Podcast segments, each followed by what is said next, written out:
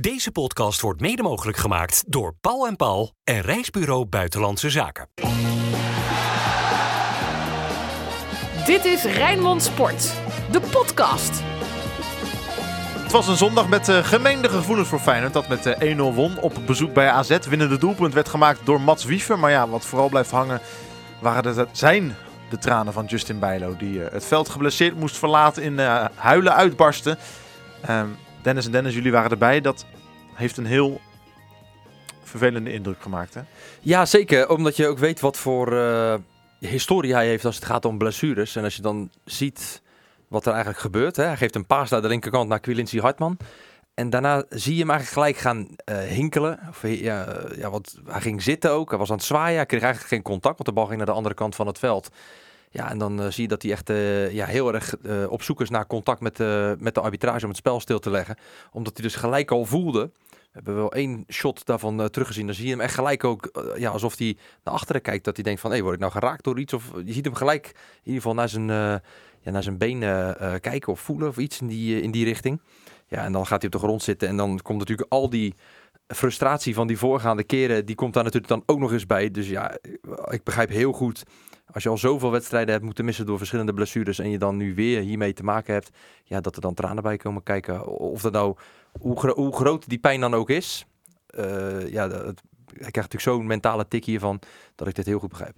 Hebben we al enig idee of die mentale tik ook een enorme fysieke tik is? Nou, het lijkt erop in eerste instantie, zeker als je de beelden uh, ziet van hoe die er vanaf gaat, dan denk je, oeh, dit, dit kan een hele zware blessure weer zijn. Uh, bij Feyenoord rappen ze over een aantal weken. Het zou bijvoorbeeld kunnen gaan om een zweepslag in, in zijn kuit. Staat ook zeker twee tot zes weken uh, minimaal voor. Er zit dus ook alweer veel, veel marge in. Hè? dus zeker geen einde seizoen. Daar gaan ze op dit moment niet van uit. Maar er gaat natuurlijk nog nader onderzoek plaatsvinden na het weekend. Dat lijkt me ook logisch. Maar de eerste voortekenen zijn wat dat betreft nog relatief gunstig voor hem. Rood, wit, bloed, zweet. Geen woorden maar daden. Alles over Feyenoord. Heeft Feyenoord vandaag een beetje op zijn niet-Feyenoords gewonnen van AZ? Ja. Ja. Ook gewoon eens een keer een hele lelijke wedstrijd spelen en die over de strepen trekken. En ik denk eigenlijk dat het heel erg lekker is voor Feyenoord om ook eens een keer een wedstrijd te spelen waarin je niet elke keer de credits krijgt. Neem uh, een Atletico Madrid uit. Waarin je met uh, op de spitspositie naar dezelfde opstelling speelde alle complimenten kreeg. Geweldig gespeeld, fantastisch gedaan, maar met lege handen stond. En vandaag was het helemaal niet zo goed. Maar wel op karakter uiteindelijk gewoon die wedstrijd over de streep getrokken. Was ook een keer nodig, hè? want Feyenoord heeft dit seizoen natuurlijk wel vaker uh, mindere wedstrijden uh, gespeeld. Alleen in tegenstelling tot bijvoorbeeld het vorige jaar, want daar zaten ook mindere wedstrijden bij. Uh, liep Feyenoord dan nu ook steeds dan meteen tegen puntenverlies aan. Dat was vooral aan het begin van het, van het seizoen was dat bij wat, wat mindere beurten. ja, en nu zeker de manier van verdedigen. Buiten één fase in de eerste helft, een kwartier. Hè? Toen kreeg AZ echt wel een paar hele serieuze kansen. Maar voor de rest, ook in de tweede helft, ja, stond Feyenoord wel goed. Ze stonden onder druk heel de tijd. Maar als je nou gaat kijken, wat heeft het nou echt aan kansen tegen opgeleverd? ja, niet. Dus dat onverzettelijke, waar ik het in een van de vorige podcasts over had, van dat mis ik een beetje bij dit Feyenoord. En ik vlieg hem heel positief in nu aan het begin. En er komen echt wel kritische kanttekeningen straks. Maar dat onverzettelijk heb ik vandaag wel in de manier van verdedigen uh, af en toe teruggezien, gelukkig. En gescoord. Dat is dan de situatie. Moet niet gekker worden. Ja, ja inderdaad. Ja, dat was ook wel bijzonder inderdaad. Die vrije trap die genomen ging worden. Waarbij iedereen al dacht van het zou best wel eens kunnen dat Timber hem uiteindelijk voor zijn voeten krijgt. Uh, die haalde uit met een hele lastige, venijnige stuit uh, ook uh, daarin. Ja, en wat ik dan wel knap vind, is dat die bal terugkomt van de paal. En dat Mats Wieven daar dan als eerste bij is, dat is dan één. Maar dat hij ook gelijk de juiste controle heeft om die bal zo neer te leggen dat hij man in de hoek kan, kan schuiven. Dat vond ik echt wel heel goed. En dat was ook gewoon wel vroeg in de wedstrijd. En toen dachten we echt nog van, nou, hè, tien minuutjes later wordt het 2-0 en dan zitten we lekker achterover op onze stoel.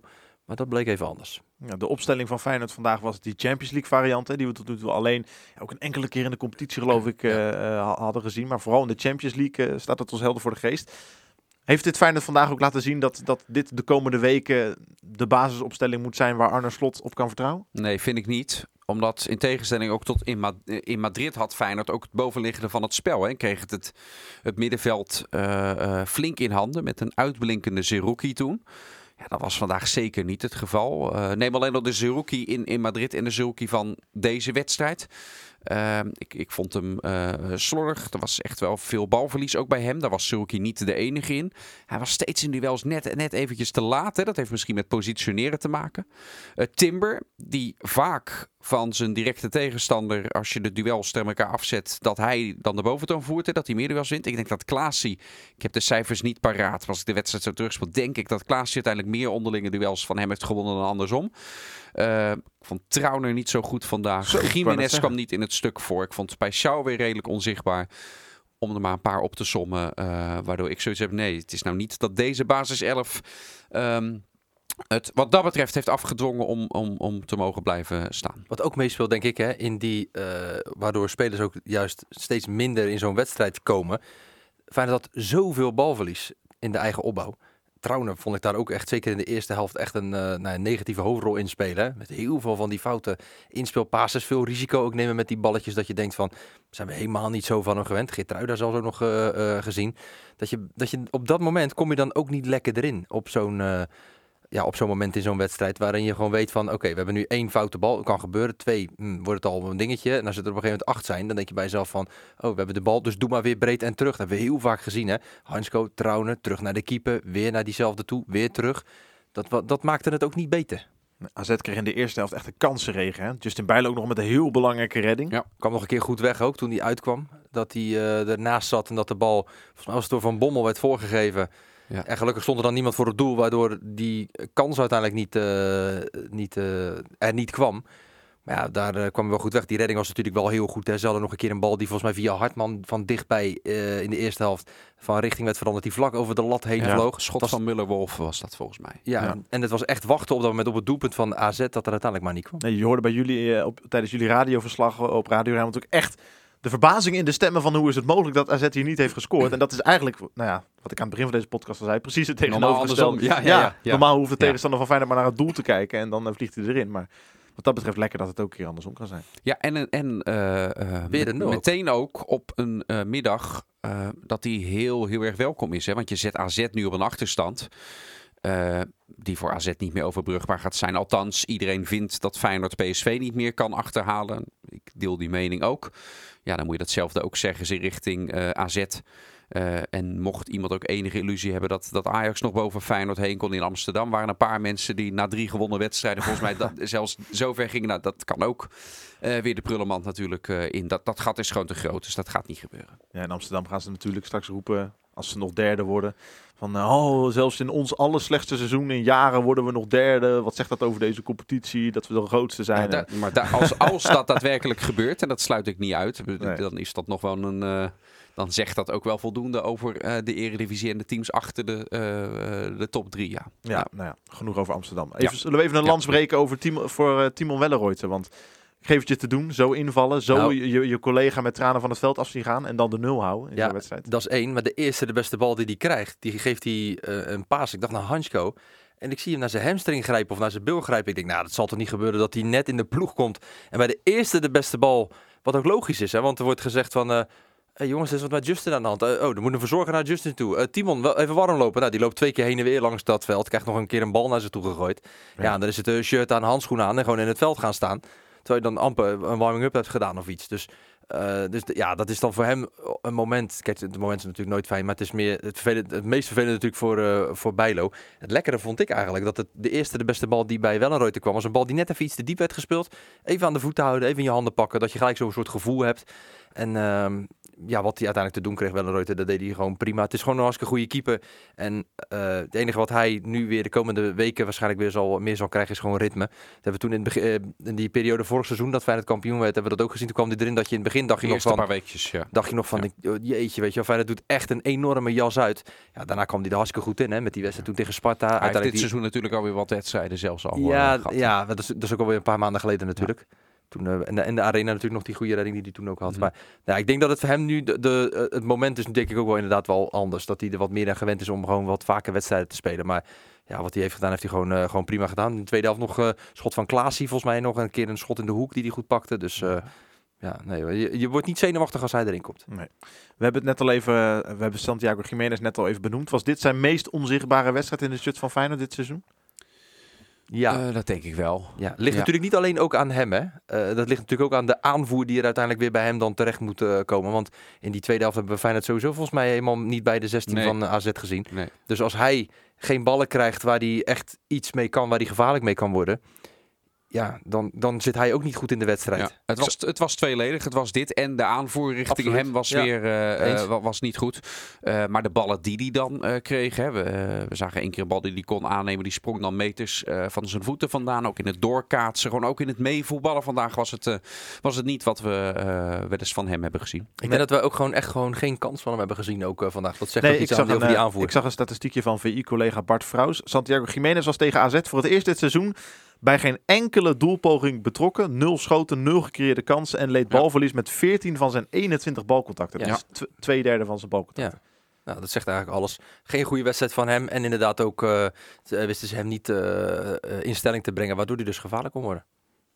De Feyenoorder van de week. Ik heb zo'n idee dat Santiago Jiménez deze week niet kan rekenen op de titel Feyenoorder van de week. Wie wel, vraag ik heel vragend. Nou ja, wat mij betreft is het een hart onder de riem richting Justin Ja. Bijlo. Waar we het nog even verder over, eh, over kunnen hebben.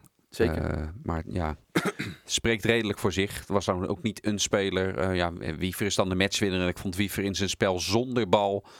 Die had wel dat juiste gif. Hè? Van de drie middenvelders van Feyenoord vond ik Wiever dan. En dat komt niet doordat hij nou de matchwinner is. Maar vond ik, vond ik daarin echt wel de, de beste Feyenoorder. Zoveel dichtgelopen ook weer vandaag. Maar wat ik al zei, ja, Feyenoorder van de week hoeft niet per se positief te zijn. En het gesprek eh, deze week is nu natuurlijk eh, wat er weer met Justin Bijlo is, eh, is gebeurd. Ja, we spraken Bas van Noordwijk nog op Radio Rijnmond. Die heeft natuurlijk jarenlang, zelf oud-doelman, maar jarenlang bij Feyenoord met Bijlo samengewerkt als Ja. teammanager. En die zei ook echt van, ja, Justin is geen, is geen jankert, die helpt niet zomaar. Dus als, als, er dan, als hij dat dan doet, dan moet er wel echt iets goed mis zijn. Nou ja, dat blijkt dan gelukkig, lijkt dat mee te vallen. Nee, Nee, dat maar het weten is- we het niet. is- Dat is een aanname. Dat, dat weten we eh, eh, nu nog niet. Maar Nee, daar, lijkt, zeg ik daar dan. lijkt het in de eerste prognose. Maar dan nog moet je je voorstellen. heeft- Die heeft natuurlijk tik op tik eh, Ja. gehad. En dan moet je steeds maar weer terugknokken. Nu gebeurt het midden in een wedstrijd. Met alle camera's erop gericht. Is ook weer anders dan als het op het trainingsveld gebeurt. Eh, eh, daar weten we ook. Is hij ook, is, is ook boos van eh, geweest. En, en verdrietig van geweest. Maar nu staat ook nog eens heel de, de focus erop. Met alle beeldvorming rondom hem die er is. Waar hij natuurlijk ook zelf natuurlijk ontiegelijk de schurft over in moet hebben. Dat dit verhaal maar terug blijft komen. Al het gespeculeer nu ook weer. Ja, gaat Feyenoord hem ooit nog kunnen verkopen?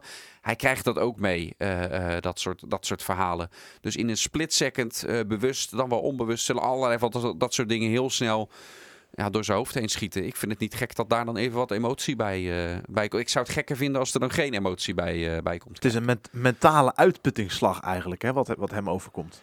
Ja, nee, maar zeker als ik, ik zit ondertussen dat lijstje met blessures gewoon eens op te zoeken. Weet je, je gebroken pols, eh, operatie aan voet, eh liesblessure, knieblessure, bovenbeenblessure. Het zijn allemaal verschillende blessures. En zie je ook hoe lang dat dan duurt. Hè, met die operatie aan die voet, die natuurlijk heel lang heeft geduurd. Daarvoor nog die teenblessure. Heeft ook gewoon dik drie maanden eh, geduurd. Ja, dat zijn, dat zijn zulke lange dagen. Die voetblessure een paar jaar geleden ook hier meer dan 200 dagen. Ja, dan mis je zoveel. En dan weet je ook gewoon hoeveel moeite het uiteindelijk ook gewoon kost om van het niveau van fitheid en eh, ritme wat je nu hebt, eh, eh, ja, dadelijk weer daar afstand van te moeten doen. En dan over misschien, ik weet niet, het kan een, hopelijk een korte tijd zijn, maar als het wat langer duurt, dan moet je dat allemaal weer gaan bijhouden en weer gaan optrainen. En dan moet je ook dat gevoel weer terug gaan krijgen. Ja, dat is zo'n tik. En als je dat al zo vaak hebt meegemaakt, Ja. ja. dan gaat dat echt in je hoofd zitten. Want hij wordt daar, de, degene die daar het meest gek van wordt, dat is hij natuurlijk zelf. Het Ja. blijft wel heel bijzonder. Met, met veldspelers komt het wel eens vaker voor. En ook bijvoorbeeld als ze op een, op een wat hoger niveau eh, spelen. Dus dan zag je spelers die bij Feyenoord, of laat staan een stap daarboven. Dan konden ze daar niet in mee en dan raakten ze geblesseerd. En dan gaan ze een tree lager spelen en dan raken ze opeens niet meer geblesseerd. Hè? Eh, misschien bij, bij Nieuwkoop heb je dat in het verleden eh, wel eens gezien. Was dit toen, in ieder geval was dit een uitleg ervan. Waardoor hij bij Willem II en daarna bij Union opeens wel alles kon, eh, kon spelen.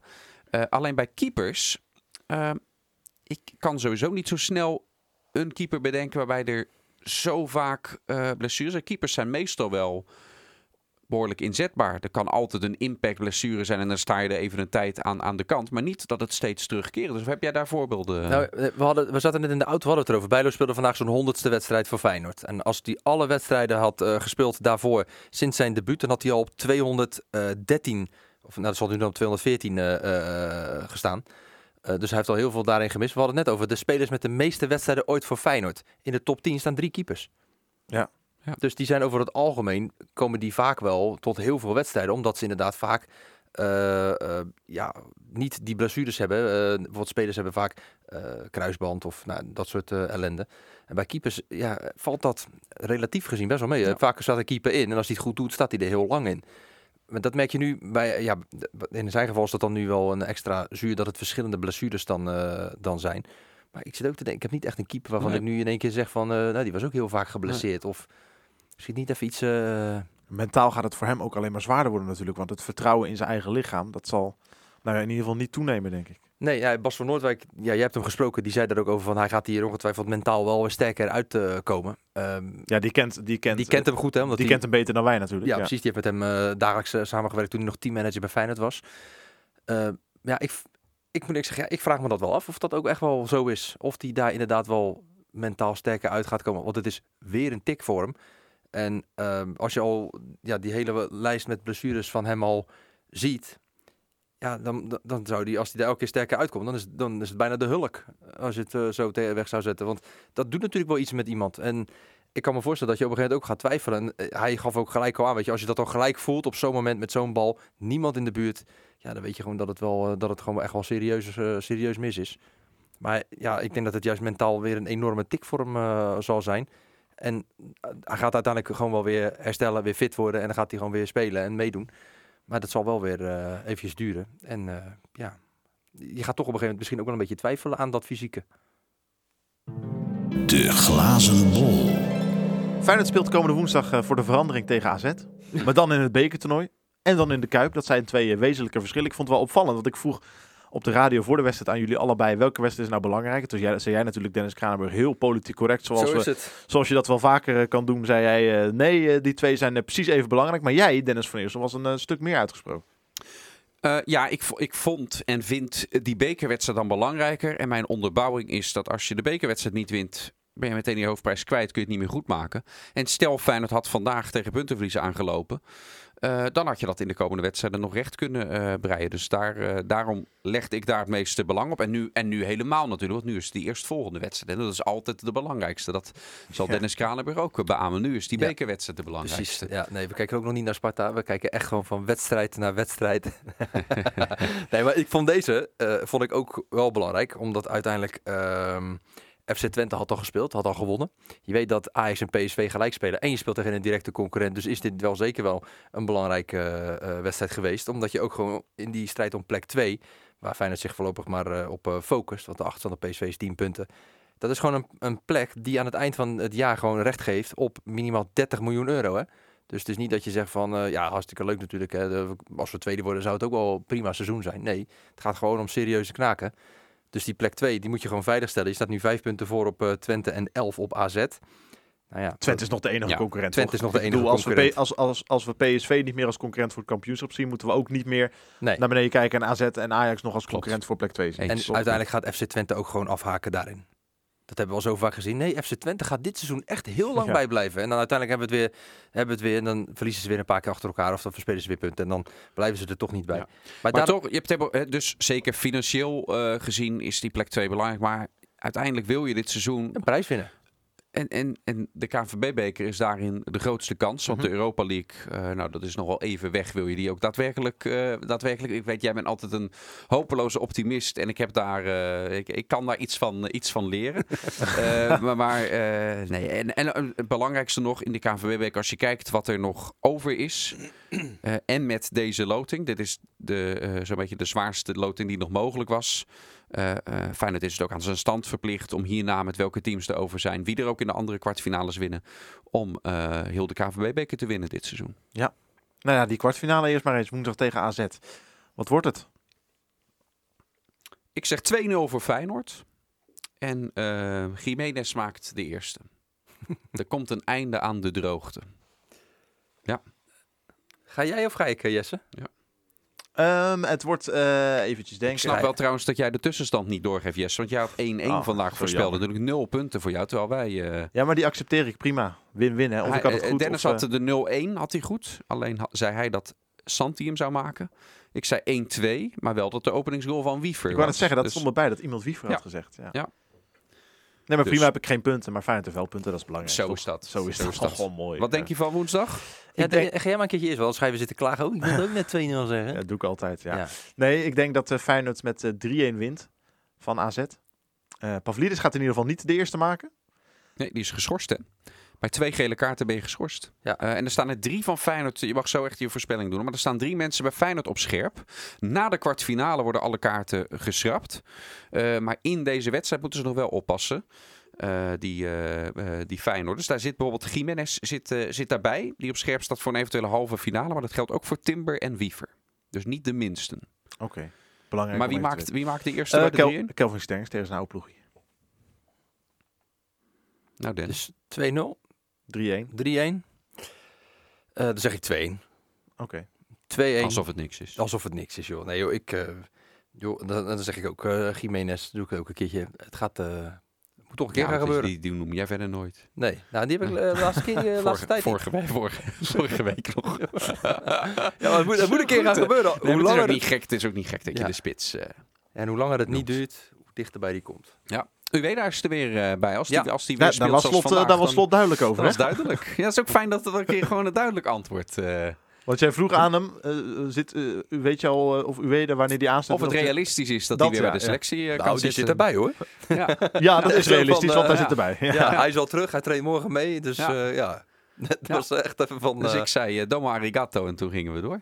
Ja, maar even, jij, zegt, jij zegt het inderdaad. Hij zal natuurlijk balen van dat Japan is uitgeschakeld door het Iran van uh, Alireza Jahanbaks.